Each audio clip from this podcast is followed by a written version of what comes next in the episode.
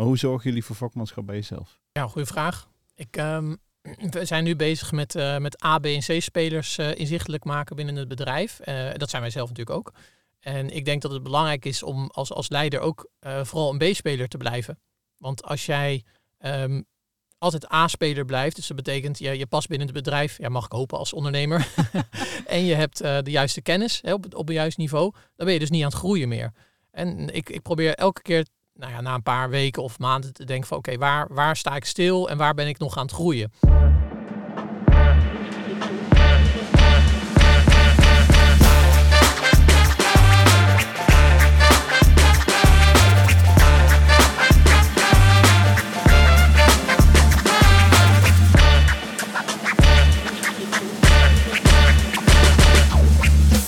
Leuk dat je luistert naar Ondernemer de podcast. Deze keer in de studio Manouk, Danielle en Dimitri. Welkom. Dankjewel. Dankjewel Jurtijn. Ja, en je hoort het is goed. Het is een bonusaflevering. Uh, want 23 maart starten we weer met een nieuw seizoen. Uh, we zijn inmiddels al volop bezig met de voorbereidingen. Uh, spraakmakende onderwerpen en toffe gasten. maar ja, voor die tijd dus een, een extra aflevering van seizoen 1. Um, en deze gaat over vakmanschap. Ja, we nemen deze podcast op in de studio van AVAS. En we hebben dus, zoals ik net al voorstelde, vandaag niet één, maar twee gasten. Nou, laten we beginnen met jou, Manouk. Stel jezelf uh, even voor. Nou, ik ben uh, Manouk Stoelhorst, 32 jaar. Ik uh, kom uit Zeewolde en ik werk inmiddels zes jaar bij AVAS. Mm -hmm. En gestart op support, consultant geweest, projectleider, manager en inmiddels vanaf 1 september directeur consultie bij AVAS. Ja, dan heb je niet stilgezeten. Nee, het is uh, ook iets sneller gegaan dan ik zelf had verwacht en voor ogen had. Maar uh, ja, bevalt goed. Nou ja, we gaan er straks uh, vast nog wat meer over hebben. Danielle. Ja, ik ben Danielle Tamis, directeur-eigenaar van PR-bureau HVDM. Mm -hmm. Dat is een bureau uit 1951, dus dat bestaat al heel lang. en ik denk dat dat uiteindelijk wel de kracht van ondernemerschap is. Hoe kun je een organisatie zo lang succesvol houden? En um, ik doe dat uh, met veel plezier en zit daar al sinds uh, eh, 2000. Dat betekent dat ik als 25-jarig meisje daar ben begonnen en de kans kreeg om uh, door te groeien van junior adviseur tot nou, de stratege die ik nu ben. En in de tussentijd kon ik het bedrijf ook nog ondernemen, overnemen en ben ik ondernemer geworden. Ja, tof. Dus echt gewoon, we hebben hier met twee vakmensen te maken die helemaal uit de praktijk komen. En, of Oh, drie. drie, sorry. Ja, dankjewel Jordijn. Ja, Dimitri, nou weet ook weer wat jij doet. Ja. Twee gasten, vak, vakvrouwen moeten we dan eigenlijk ook zeggen. Hè? Vak, vakmensen. Eigenlijk is überhaupt de vakmanschap eigenlijk ook een hele rare term, zoals ik gisteren Nou, dat ben ik wel met je eens, Jordijn. Ja. Dus dan is vak, vakmenschap zou dat beter zijn. Ja. ja. Anywho, uh, we beginnen zoals je van ons gewend bent natuurlijk ook uh, in deze bonusaflevering met de supersnelle stellingen. Um, nou, en omdat we net het voorstelrondje zijn begonnen bij jou, Manouk, uh, gaan we de eerste aan jou voorleggen. Uh, dus het is inderdaad de bedoeling dat je zo snel mogelijk eens of oneens zegt. En daarna krijg je nog de tijd om uh, een van de stellingen of misschien wel meerdere stellingen toe te lichten. Of uh, misschien kunnen we dan wel daarna met elkaar daarover in gesprek gaan. stelling 1 is, als je snel groeit, dan gaat het altijd ten koste van de kwaliteit. Niet eens. Stelling 2, studeren moet je in je eigen tijd doen, want op het werk ben je gewoon declarabel. Niet eens. En de laatste. Veel jonge in, eh, mensen in je bedrijf is beter dan veel ervaren krachten. Um, niet eens. Oké. Okay. Welke zou je graag toe willen lichten? Ik denk dan toch wel de laatste. Oké, okay, dus veel jonge mensen in je bedrijf is beter dan veel ervaren krachten. Ja, ja, weet je, bij alle stellingen zit er een nuance in natuurlijk. Mm, zeker. Uh, maar bij deze denk ik zeker. Want uh, enerzijds is het heel erg belangrijk om jonge mensen in je bedrijf weer uh, continu door te laten stromen en in te laten stromen. Mm -hmm. Want het geeft gewoon ontzettend veel vernieuwing, nieuwe inzichten en ontwikkelingen in je bedrijf. Maar ik vind ook, als ik dan kijk naar, naar het consultiebedrijf waar ik leiding aan mag geven, ben ik ook zo ontzettend blij met toch wel de ervaren krachten die er zitten. Mm Enerzijds voor het stukje bewaken van de cultuur van het bedrijf. Ja. En anderzijds ook gewoon een soort van ja, baken waar mensen op terug kunnen vallen. Dus dat is mhm. gewoon voor nieuwe mensen ook heel erg fijn dat die ervaren mensen er ook zitten. Dus ja, voor mij is ideaal dat je er gewoon een, eh, een balans tussen hebt. Ja. Hoe is dat voor jou, Danielle?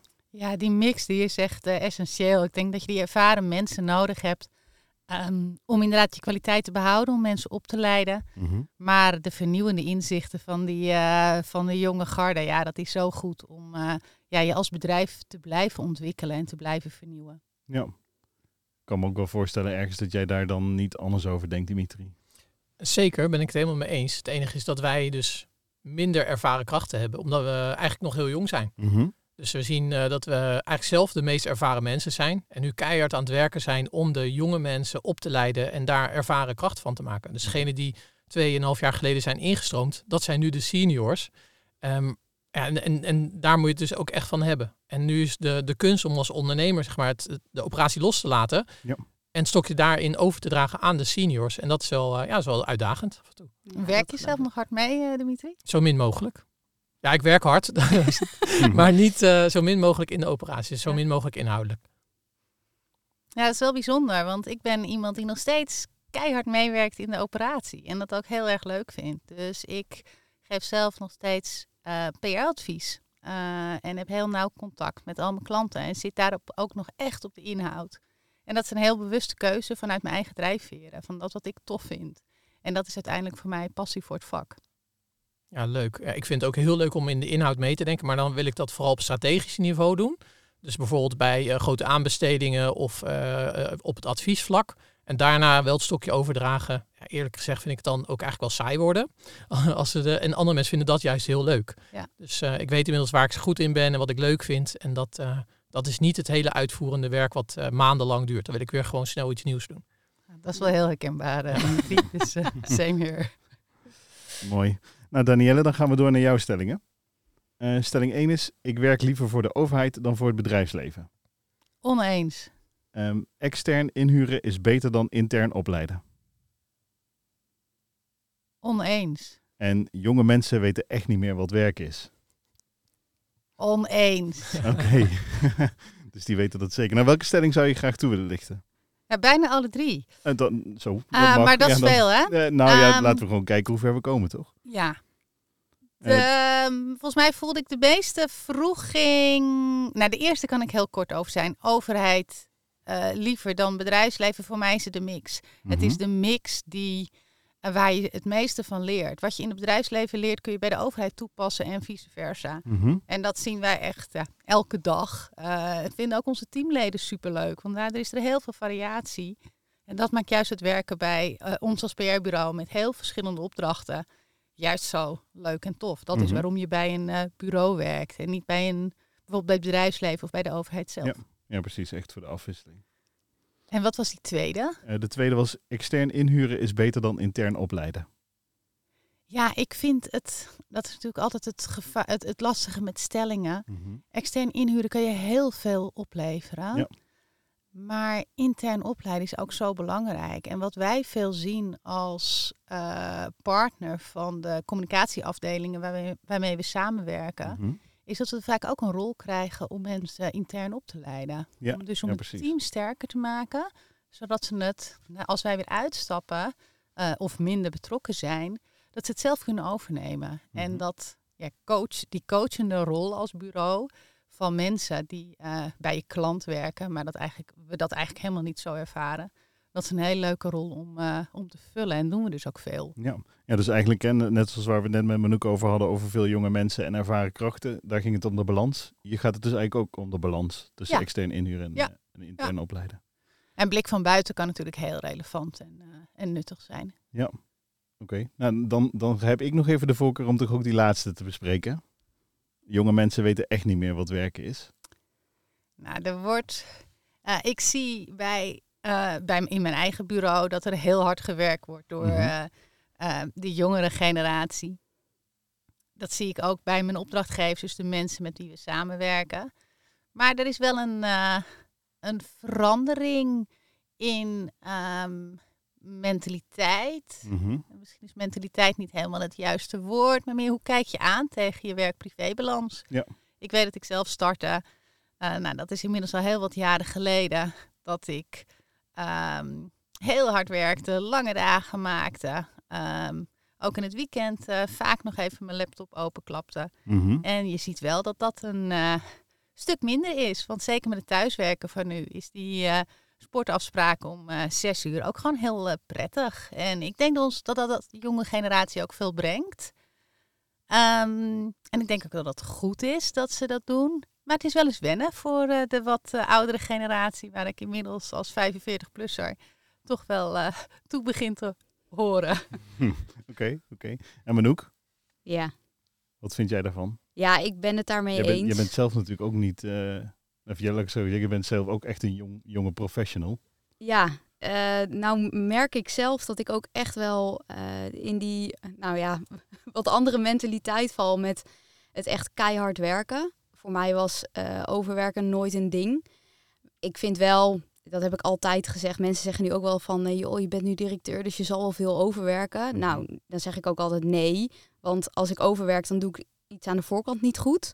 En dat vind ik uh, nou, bij de jonge mensen misschien ook wel. Dat ze een bepaalde vorm gevonden hebben waarop ze efficiënter en anders en beter kunnen werken. Waardoor het overwerk misschien niet altijd nodig is. Ja. Maar soms is het wel nodig. En wat je dan af en toe wel merkt, is dat de wat jongere generatie een soort van verwend geraakt is. En dat dan, ja, dan willen ze er of betaald voor krijgen of uh, vinden ze onzin. Ja, en dat is echt al iets wat, wat veranderd is in de afgelopen jaren. Vroeger was dat nou, bij ons op support nooit een ding. Als er dan een keer overgewerkt moest worden, dan was het met z'n allen schouders eronder en even rammen. En uh, dan bestelden we pizza en dat was nooit een ding.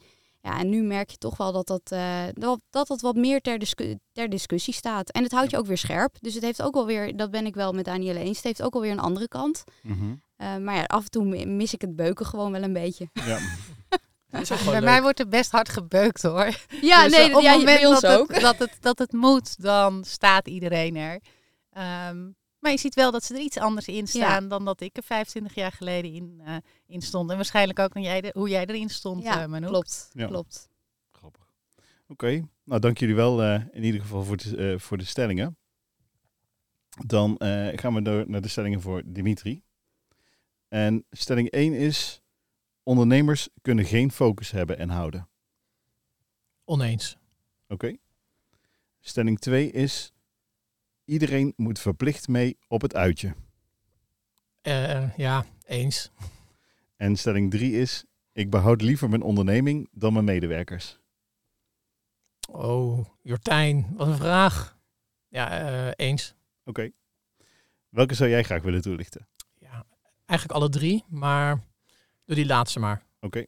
Die, uh, dus die kan misschien wel hard aankomen. Liever mijn onderneming dan mijn medewerkers. Ja, ja. ja, ja. Nee, hoewel ik echt heel erg veel van mijn, mensen hou en, uh, mm-hmm. en een heel warm hart toedraag, dat, dat zou iedereen kunnen beamen, is, ga ik wel voor de lange termijn. En de lange termijn is toch het bedrijf wat je aan het opbouwen bent.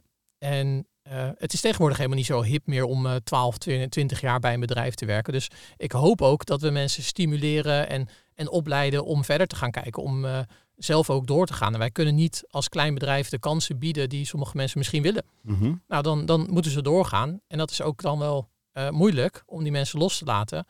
Maar ja, dat, dat hoort erbij. Ja. En ik hoop ook dat iedereen bezig is met hoe kan ik mezelf overbodig maken. Want dat betekent dat je bezig bent met optimaliseren van je eigen processen, het leren uh, en het bedrijf beter maken. Mhm. En op het moment dat dat gebeurt, hè, dan zal ik de laatste zijn die zegt van jou, uh, nou doei. nee, dan krijg je alle kansen bij ons. Maar als je die niet wil of, of er zijn gewoon geen kansen meer, ja, dan, uh, dan houdt het op een gegeven moment op. Ja. Dan gaat het bedrijf wel door, hoop ik. Dan is het tijd om je vleugels uit te slaan, zoals Inderdaad. het dan zo mooi wordt gezegd. Ja. ja. Um, kijken jullie daar anders tegenaan, Manouk of Danielle? Nou, nee, ik ben het wel met Dimitri eens. Uiteindelijk, en ik vind ook, weet je, uiteindelijk heb je medewerkers nodig om je onderneming te laten vliegen. Mm-hmm. Um, maar ja, ik, ik kan me wel voorstellen, ja, het is gewoon wel een hele lastige stelling. Ja. Ja. um, en ja, zonder mensen denk ik dat het op een gegeven moment ook ophoudt. Dus je hebt mensen nodig, wat ik net al zei. Um, maar ja, uiteindelijk de onderneming zelf, uh, daar, daar, daar zit je, je passie en, en, en je drijfveren. Uh, en dat is ja, toch nog wel los van de mensen. En de mensen die zorgen er uiteindelijk voor dat het als vliegwiel gaat fungeren, waardoor je passie, je liefde en je energie nog groter wordt. Dus ja, ook dat is weer een combinatie van. Ja, het is een beetje afgezaagd, maar... Ja, nee, maar eens, wel waar. Wat wel aardig is, hè, zoals de HVDM nu al um, uh, meer dan 70 jaar bestaat, mm-hmm. nou, de oprichters van toen, die zijn er niet meer. Er zijn al heel wat overdrachten geweest van het bedrijf naar de volgende generatie communicatieprofessionals. Mm En dan zie je dus ook dat het bedrijf zelf uiteindelijk ook niet van jou als ondernemer afhankelijk bent, maar dat je wel het bedrijf, de onderneming als zodanig brengt naar de volgende generatie. Ja. En dat is uiteindelijk een heel ander bedrijf. Het bedrijf zoals het nu is, is heel anders dan het bedrijf waar ik twintig jaar geleden kwam werken. Mhm. Dus het bedrijf verandert ook en heeft dus heel andere mensen dan toen. Het bedrijf gaat wel verder en ontwikkelt zich verder. Ja, zeker. Dat geloof ik ook. Ja. Mooi. Nou, dan gaan we het hierbij laten. Um, ja, we hebben dus al eerder gezegd, hè, ook in het nieuwe seizoen komen de supersnelle stellingen weer terug. En heb je nou zelf nog een stelling die je in de podcast terug wil horen? Stuur dan een mailtje naar marketing.foxter.nl. Dat is een ander e-mailadres dan de vorige keer, want toen was dat info uit. Nu hebben we gewoon met marketing een eigen e-mailadres. Komt dat omdat ik in de infobox kan? Ja, en dan gaan, gaat iedereen de stellingen alvast weggraaien voordat we ze kunnen, kunnen, kunnen stellen, zeg maar. Ja. Um, nou goed, en als je dus dat mailtje hebt gestuurd, uh, hoor je jouw stelling vast al in een van de volgende afleveringen terug. Nou, dan gaan we door naar het onderwerp van deze week. En dat is dus vakmanschap.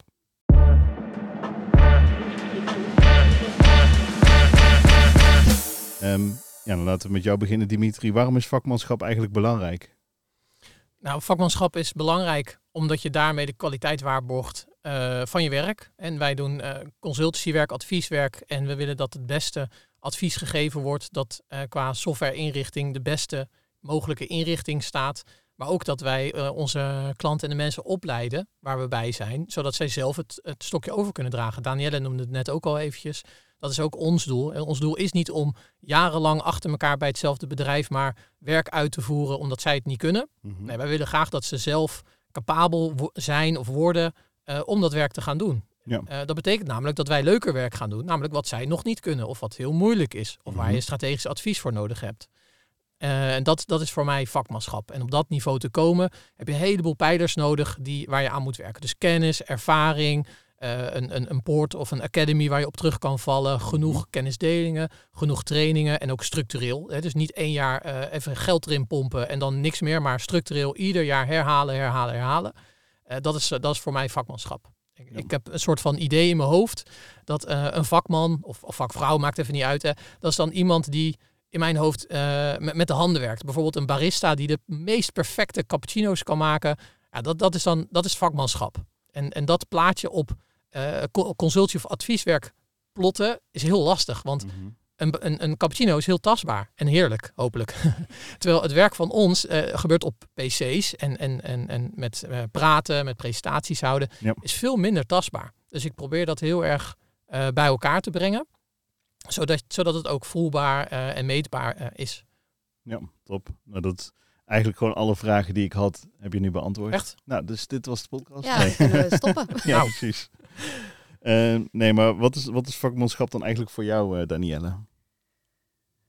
Ja, vakmanschap is je werk goed uitoefenen. Mm kwaliteit leveren die continu is. Dus een continue kwaliteit. Als je de vergelijking maakt met dat kopje koffie van, uh, van Dimitri, dan moet die schuimlaag dus telkens net zo goed zijn. Mhm.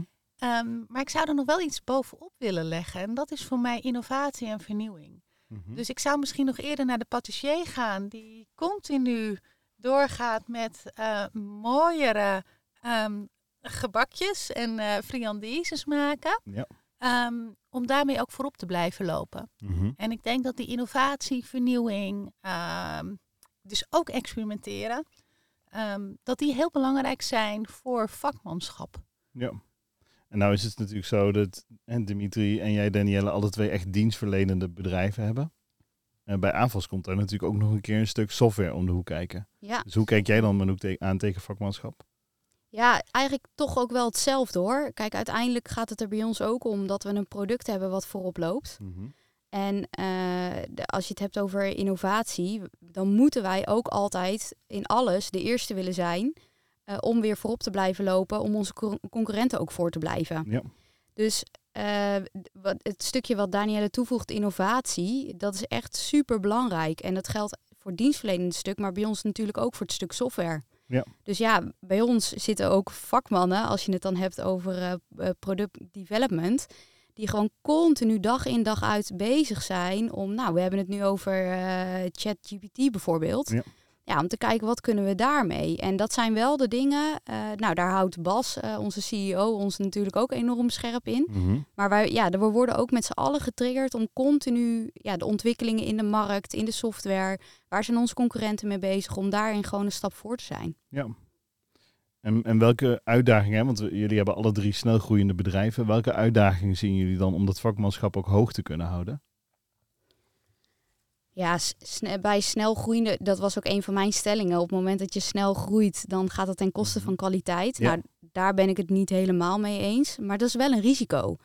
En uh, nou, als ik mezelf als voorbeeld neem, ik ging, als, ik ging met twee maanden, ging ik destijds uh, na support, ging ik uh, of, ja, naar buiten toe consultancywerk doen. Nou, dat was toen ja, eigenlijk van de zotte, want ze zeiden toen ook als directie van ja, hoe kunnen we de kwaliteit waarborgen? Ja. En nou, dat was een terecht punt. Ik heb het gered. En dat had enerzijds te maken met dat ik echt wel soft skills had, omdat ik daarvoor al werkervaring had gehad, waarbij ik nou, best wel hoog niveau met besturen en directies al gesprekken kon voeren en mhm. discussies kon voeren. Dus mijn soft skills zaten wel goed. Alleen mijn productkennis was gewoon minimaal. En ik denk op het moment dat een van beide uh, echt wel goed op orde is, dan kan je het wel compenseren met elkaar. Dus wij hebben nu ook een versneld traineeship bij AVAS. Um, en daarin zijn een van die twee zijn voor ons echt ook wel belangrijk. Dat of de productskills moeten echt al op hoog niveau zijn. Dus we mhm. moeten of al heel veel kennis van het product hebben. Of ze moeten al hele goede soft skills hebben om het gesprek en de discussies met de klant te kunnen voeren. Ja.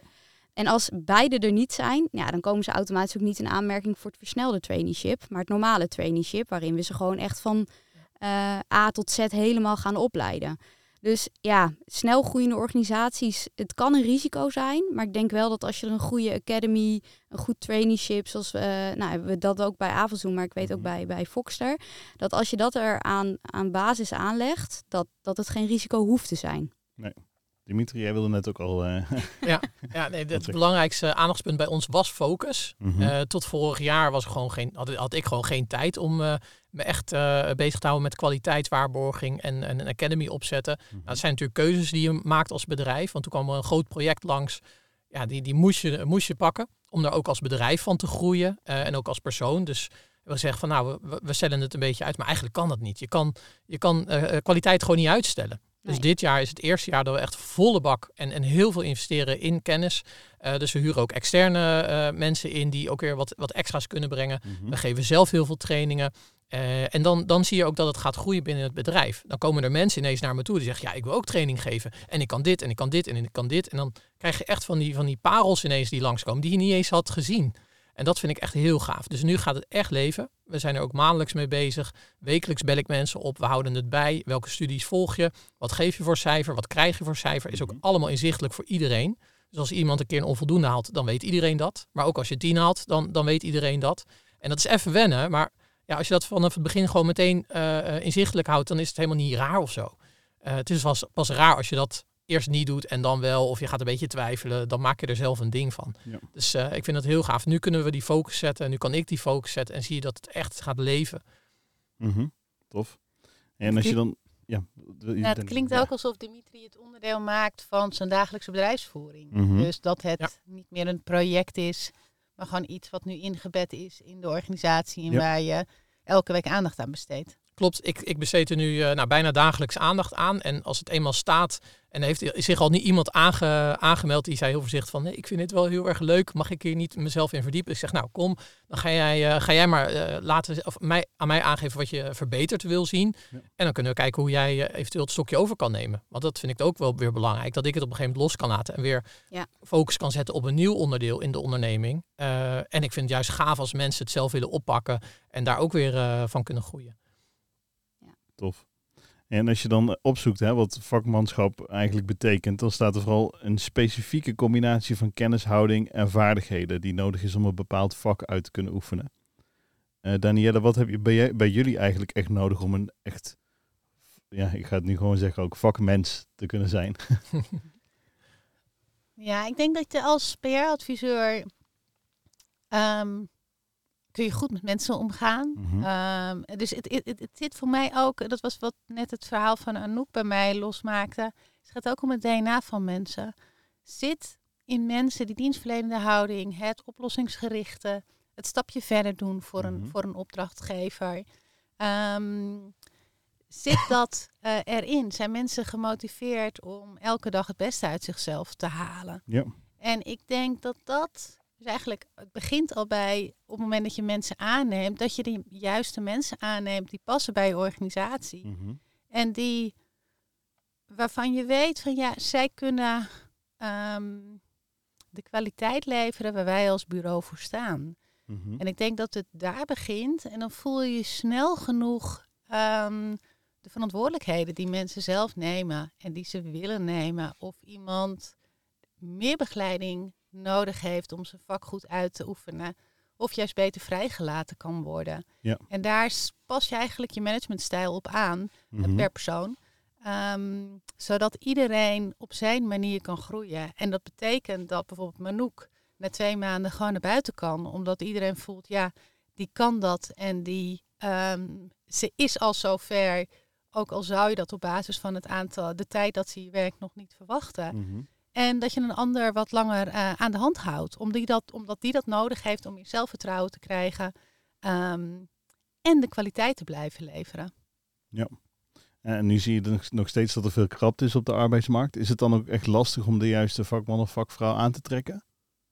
Eh, ja, het is lastig om mensen die goed zijn, die dus nu al, ik noem dat medio-adviseurs ehm, eh, zijn, dus die al een aantal eh, jaren ervaring hebben, om die te laten overstappen. Want iemand die goed gaat, zit vaak al op een goede plek waar iemand veel kansen krijgt. Ehm, en dat betekent voor ons dat wij ons met name richten op eh young professionals die net van school komen. Ja. Ehm, en die leiden we op. En Mhm. daar maken we ja, HVDM'ers van. En dat is ook wat we vaak van opdrachtgevers terugkrijgen. Ik vind het bijzonder dat al die HVDM'ers anders zijn, maar tegelijkertijd ook zo vergelijkbaar in de manier waarop ze zaken aanpakken, de kwaliteit die ze leveren en ehm, er altijd voor ons staan. Ja, tof. Ja, maar ook voor, voor jullie, hè, is natuurlijk ook een, echt een sterk werkgeversmerk. Hebben jullie uitdagingen om de juiste vakmensen aan te trekken? Ik denk dat wij de afgelopen jaren hebben we wel gezien dat er minder eh, sollicitanten geweest zijn. Dus we hebben uiteindelijk ook wel minder mensen aangenomen. Eh, nou, dat, een van de redenen daarvan is ook dat we het versnelde traineeship eh, in, in het leven hebben gebracht. Mhm. En dat was ook wel iets waarvan we zeiden, je merkt op een gegeven moment dat je, nou ik was dan op een gegeven moment eh, 5, 26 en ik, ik sprak veel mensen ook van mijn eigen leeftijd. En die wilden best wel de stap naar AFAS maken, maar om dan twee jaar op support te gaan zitten en dan pas de stap naar buiten te gaan maken, was voor hen ook gewoon te lang. Mhm. En dat is wel een van de redenen waarom we op een gegeven moment gezegd hebben: hey, zo'n versneld traineeship, op het moment dat iemand al consultieervaring heeft, of iemand heeft die, die, die soft skills, die communicatieve skills al heel goed op orde, Ja. ja, dan zouden we die toch ook een kans moeten, moeten kunnen bieden. Nou, en dat Mhm. is het versnelde traineeship geworden en dat heeft echt wel een vlucht genomen. En dat is wel heel tof, want dan merk je dat eh, er gewoon hele andere ervaring binnen wordt gehaald. Ja. Eh, en dat is wel, eh, ja, dat geeft ook weer een andere dynamiek in, eh, in de teams en, en ook onder de mensen. Dus daar hebben we wel echt van geprofiteerd ook. Mhm. Ehm, maar ja ik, ja, ik moet ook heel eerlijk zeggen dat we gewoon niet mogen klagen. nee, nou, dat is dan toch fijn, toch? Ja, zeker. Er is ook helemaal niks mis mee. Daar heb je hard voor gewerkt, dus dat is prima. Ehm, en dan even kijken naar jullie als leiders zelf. Hoe zorg je eigenlijk voor vakmanschap bij jezelf? Nou, van Danielle, bij jou weten we het al een klein beetje misschien. Hè? Want je zegt, ik draai ook actief mee in de operatie. Maar hoe zorgen jullie voor vakmanschap bij jezelf? Ja, goede vraag. Ik, ehm, we zijn nu bezig met, eh, met A, B en C-spelers eh, inzichtelijk maken binnen het bedrijf. Eh, dat zijn wij zelf natuurlijk ook. En ik denk dat het belangrijk is om als, als leider ook vooral een B-speler te blijven. Want als jij ehm, altijd A-speler blijft, dus dat betekent je, je past binnen het bedrijf, ja, mag ik hopen als ondernemer, en je hebt eh, de juiste kennis hè, op, het- op een juist niveau, dan ben je dus niet aan het groeien meer. En ik, ik probeer elke keer nou ja, na een paar weken of maanden te denken van oké, waar, waar sta ik stil en waar ben ik nog aan het groeien? En dat is natuurlijk lastig om dat van jezelf te bekijken. Dus daar hebben we elkaar voor gelukkig. Die, we, we, we, spreken elkaar daar ook op aan van, hey, zou je niet eens hier iets mee gaan doen of daar iets mee gaan doen? En op financieel vlak wat kennis verbreden. Mhm. dus op, op die manier ben ik in ieder geval aan het kijken, continu van ja, waar moet ik zelf in groeien? En de academy die we voor uh, het bedrijf hebben opgezet, ja, die geldt ook gewoon voor ons. Er staan genoeg trainings, handleidingen, zaken in. Mhm. en we laten ons ook gewoon coachen door een extern bedrijf op het leiderschapsniveau. Omdat ja, er zijn al, het is al vaak genoeg gedaan. We hoeven niet het wiel opnieuw uit te vinden. Nee. Dus daar laten we ons ook in helpen. Tof. Hoe is dat bij jullie? Hoe zorg je voor vakmanschap voor jezelf? Ja, ik denk wat Danielle zei. Uh, het aangehaakt blijven bij de organisatie en de praktijk is heel mhm. belangrijk. Uh, nou, heb ik, ik ben nu sinds 1 september directeur geworden. Dus daarvoor was ik manager. Dus stond ik ook gewoon grotendeels nog met mijn eigen nou, poten in de klei, om het maar even zo te zeggen. Ja. En dat is wel uh, wat ik wil blijven doen. Dus ik ga nu ook weer op bij alle, in ieder geval alle consultieteams, maar ook bij succesmanagement die uh, onderdeel zijn van mijn uh, afdeling, uh, daar ga ik ook meelopen. Mhm. Om gewoon vinger aan de pols te blijven houden, te weten wat speelt er, waar zie ik zelf nog kansen. dus op die manier dus zelf echt aangehaakt te blijven bij de praktijk. En anderzijds, ja, ik heb nu afgelopen periode doelstellingsgesprekken met mijn managers gevoerd. Mhm. Waarbij het gaat over de doelstellingen van de managers, die leiding geven aan de mensen. Ja. Maar ook andersom, waar vinden zij dat ik in moet groeien als mhm. persoon? Ja. En uh, nou, dat ook weer bij mijn collega directieleden uh, gevraagd. En daar voor, voor mezelf ook weer een plan voor gemaakt. Dus ik denk dat uh, het enerzijds het aangehaakt blijven bij de organisatie. en nou, daarin ook wel een, een dienend leider zijn en de opties en de mogelijkheden bieden om mensen te laten ontwikkelen en het bedrijf weer verder te laten ontwikkelen. Mhm. En anderzijds daar voor jezelf ook gewoon scherp op blijven en continu blijven ontwikkelen. Ja, mooi dat je dat zegt. Ik kan me wel ergens voorstellen dat je dat ook kwetsbaar maakt als leider omdat je gewoon die vraag moet stellen van joh, hè, beste iemand in een organisatorische eenheid onder mij. Even heel flow en zwart-wit gezegd. Wat vind je eigenlijk van mij? Ja. ja en vind je dat spannend om te doen? Nee, eigenlijk helemaal niet. En dat komt ook wel omdat het een beetje in het aard van het beestje zit. Mhm. En ik vind op het moment dat je bang bent om om feedback te vragen, dan schuilt er ook wel een bepaalde onzekerheid in. En ik vind feedback ontvangen en uh, er vervolgens iets mee doen, zorgt er alleen maar voor dat ik beter word. Mhm. En uiteindelijk ook weer een fijnere en betere leidinggevende voor mijn mensen. En dat is wat je denk ik als nou, professional of vakmens, uh, wat je altijd moet blijven doen. Dus dan moet je dit ook doen. Tof. Danielle, jij nog tips? Ja, ooit heeft een uh, de vorige directeur van, het, uh, van HVDM tegen mhm. mij gezegd... Daniel, je kan wel continu keihard blijven werken en al die teksten blijven schrijven. Maar je moet wel, uh, net zoals uh, een houthakker die ehm, dat hout aan het hakken is... wel af en toe je bijl aanscherpen, want je moet wel verder. En dat is wel iets wat... Um, nou, op dit onderwerp, als je het hebt over vakmanschap... je moet jezelf dus blijven ja, op zoek gaan naar inspiratie. En mhm. dat doe je enerzijds van wat zijn de ontwikkelingen in het vak? Wat gebeurt er? Wat zijn de trends? Wat zie ik in de maatschappij gebeuren? En hoe kan ik dat toepassen op ons werk? Ja. Dat zijn heel belangrijke vragen die je moet stellen. Dat doen wij met elkaar in een wekelijks kenniskwartiertje digitaal. Mhm. Waarin steeds een andere medewerker een sessie van uh, een kwartier geeft. Waar we vervolgens een kwartier met elkaar over in, uh, in gesprek gaan. Dat werkt heel goed om Ehm, te blijven nadenken over het vak dat je aan het uitoefenen bent en hoe je dat kunt verbeteren. Hoe je mhm. je vakmanschap dus kunt aanscherpen. En zelf als directeur heb ik veel aan uh, intervisiegesprekken met andere bureaudirecteuren. Dus ik spreek geregeld andere bureaudirecteuren om te spreken over waar loop jij tegenaan. Zowel in je vakuitoefening als in de aansturing van uh, een bureau. En dat kan bijvoorbeeld gaan over de werving van mensen. Dat is mhm. gewoon een, een lastigheid. Hoe, hoe pakken zij dat aan? En hoe kun je ook elkaar helpen? Um, Met bijvoorbeeld dingen die daaruit ontstaan. Zijn bijvoorbeeld mensen die bij mij solliciteren uit Amsterdam, die Den Haag te ver vinden, mhm. die ik kan aanbieden aan een bureau in Amsterdam. Ja, ja, in de hoop dat je op die manier een heel mooie uitwisseling krijgt van mensen. Dus uh, vooral die gesprekken met andere Ehm, mensen buiten je organisatie, die helpen mij enorm om mijn vakmanschap hoog te houden. Ja, mooi. Dus eigenlijk ook weer een stukje jezelf kwetsbaar opstellen. Ja, en ik vind het niet zo kwetsbaar opstellen. Het is vooral voor mij leren. Vragen stellen. Hoe doen anderen het? Het is mhm. oprecht interesse in de ander. En het mooie is dat je daar ook nog van leert. Mooi. Hoe meten jullie dan eigenlijk vakmanschap? Mag ik nog iets zeggen? Oh, zeker. Ja. Over uh, kwetsbaar opstellen, want die triggerde mij wel. Mhm. Ik denk dat je daar ook beter van wordt. Ehm, wij doen dat één keer per maand uh, op onze groeidag, waar we allemaal bij elkaar zijn, hebben we een, een onderdeel dat heet in, in um, Free Me. En in Free Me moet iemand vertellen wat hij fout heeft gedaan. Of wat er is gebeurd. Mm -hmm. Nou, volgens mij ben ik degene die daar het meest heeft gestaan. Want er is niemand die zoveel fouten maakt als oh, ik. ja. maar dat is ook heel leuk. Dat, dat en je moet ook het goede voorbeeld geven, want het is toch eng hè, als je net nieuw bent bijvoorbeeld om daar te gaan staan en zeggen van oh, ik heb fout gemaakt of ik heb een slecht gesprek gehad of ik heb verkeerd advies gegeven.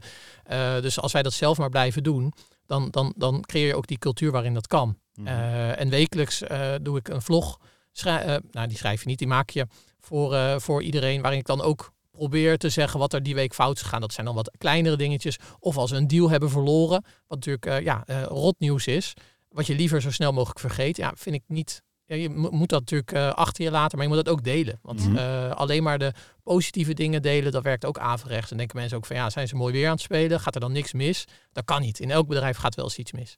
dat heeft ons ook wel heel veel gebracht. Ja, en ik denk juist van die opdrachten die je verliest en daar die goede analyse op maken. Ja. Dat je daar uiteindelijk het meeste van leert. Want dat houdt je scherp. Wij hebben laatst ook een opdracht. Dat lukt ons net niet. Maar we hebben toen wel gezegd van jongens, hoe kan dit nu? Waar zit het hem? Zijn we nog wel scherp genoeg? En ja, soms word je op het moment dat de opdrachten relatief, uh, dat het relatief makkelijk is om opdrachten uh, binnen te halen, is het heel goed als je weer eens een grote opdracht verliest. Ja. Omdat je er nou, weer, scherp van wordt. Mhm. En uh, ook meteen kijken van hoe, wat kunnen we verbeteren en hoe kunnen we ons ver, verder uh, ontwikkelen en hoe kunnen we ons vernieuwen. Ja, tof. En zou het dan, is het dan zelfs ook nog zo dat je kunt zeggen, uh, om vakmanschap goed hoog te houden binnen je organisatie, moet je ook gewoon af en toe een opdracht teruggeven? Zodat het jouw, jouw keuze is om met een klant te stoppen? Nou, per definitie niet, denk ik. Maar als het nodig is, wel. Mhm. En dat ja, vind ik heel sterk. Ik heb toevallig uh, van de week nog een situatie gehad waarbij uh, een senior consultant gezegd heeft: Ik ga niet meer naar deze klant toe. Mhm. Ja, en dat vind ik ijzersterk. Ja, trotser kan je me dan op dat moment ook niet maken dat, mhm. ik, dat iemand zijn eigen grens trekt en zegt: Je bent er nu overheen gegaan. Uh, ik doe dit niet meer. In plaats van dat hij zegt: Ik, ik ga door en in het belang van. Want nee, het is niet in het belang van niemand dat jij deze opdracht uit gaat voeren. En uh, dat vind ik ook vakmanschap, je mm grenzen aangeven. Mooi. Ja, goed zeg. Ja. ja, dat is wel knap hoor. En dat, dat toont ook lef als je dat durft. Uh, want je gaat echt gewoon een, een, behoorlijke grens over, ook van jezelf, hè, buiten je ego en je, bubbel om. Van ja, ik, ik ben zelf hier de storende factor. Ik heb dat ook meegemaakt uh, denk bij twee of drie projecten, dat ik degene was die eigenlijk het project tot, tot uh, mislukken ging leiden. Ja. Om, vanwege nou ja, allerlei redenen. Ja, en dan andere wijzen je er wel op, maar om dan zelf daar overheen te stappen, dat is echt heel moeilijk. Ja, dit maar is... achteraf ja, leer je daar echt heel veel van. Ja, en dit is wel wat, als we het dan over risico's hebben bij ook jonge mensen, uh, dan merk je dat die drijfveer zo enorm groot is, dat om die grenzen te bewaken en aan te geven, uh, en soms ook maar te zeggen, joh, het, het gaat niet, het lukt niet, uh, help me. Ja, daar gaan sommige jonge professionals gaan daar nog wel eens in, uh, in onderdoor. En ik denk dat iedereen het wel eens een keer heeft meegemaakt. Je leert daar uiteindelijk ook wel heel veel van. Mm -hmm. Maar ik denk ook wel dat dat een van de grootste valkuilen is. om je, ja, omdat je gewoon zo'n bewijsdrang hebt van ik wil laten zien wat ik in me heb en wat ik kan. Ja. Dat je ja, soms die grenzen ook wel een beetje overgaat. Ja, soms zijn er ook wel eens klanten waarvan je achteraf zegt, hadden we die maar niet aangenomen. Ja. en hoe meten jullie dan eigenlijk vakmanschap in die organisatie? Is er een tool voor, dashboard, een Excel-sheet? Ja, bij ons verschillende, verschillende zaken. We hebben sowieso doelstellingsgesprekken, forecasting en uh, eindjaarsgesprekken. Mm dus de medewerker die formuleert zelf doelstellingen aan de hand van het gesprek wat hij met zijn leidinggevende heeft aan het begin van het jaar. Mhm. En daar wordt gedurende het jaar op geforecast. En aan het einde van het jaar hangt daar een eindbeoordeling aan vast. Uh, dus dat is echt uh, zeg maar op de persoonlijke ontwikkeling van een, uh, een, persoon. En dat kan zitten in nou, soft skills of dat kan ook zitten in, in product skills waar een, een medewerker in wil groeien. Dus dat is voor ons een meetmoment eigenlijk gedurende het hele jaar. En waar we nu ook heel erg mee bezig zijn, is kwaliteitsmonitoring. Dus dat gaat over de operationele kant van onze uh, implementaties en optimalisaties. Mhm. Nou, dat zijn we nu, die resultaten daarvan. Dus een klant beoordeelt een medewerker uh, en de, de projectgroep uh, beoordeelt elkaar. Mhm. En dat wordt weer straks ook in een, in een dashboard wordt dat weergegeven, zodat we dat ook weer in het eindejaarsgesprek kunnen gebruiken.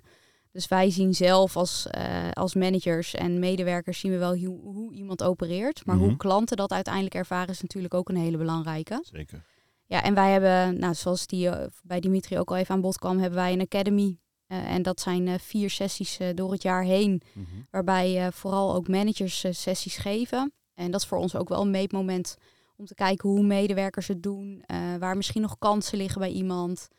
En dat ja, eigenlijk gedurende dat hele jaar en die drie verschillende factoren zijn wel voor ons de meetmomenten. Ja, mooi. Danielle, hoe doen jullie dat? Ja, ik, ik, ik, ik, terwijl Manouk aan het praten is, denk ik, mhm. hoe doen wij dat? En ik, um, bij ons zit vakmanschap in de, de, kwaliteit van het advies dat je levert. Ja.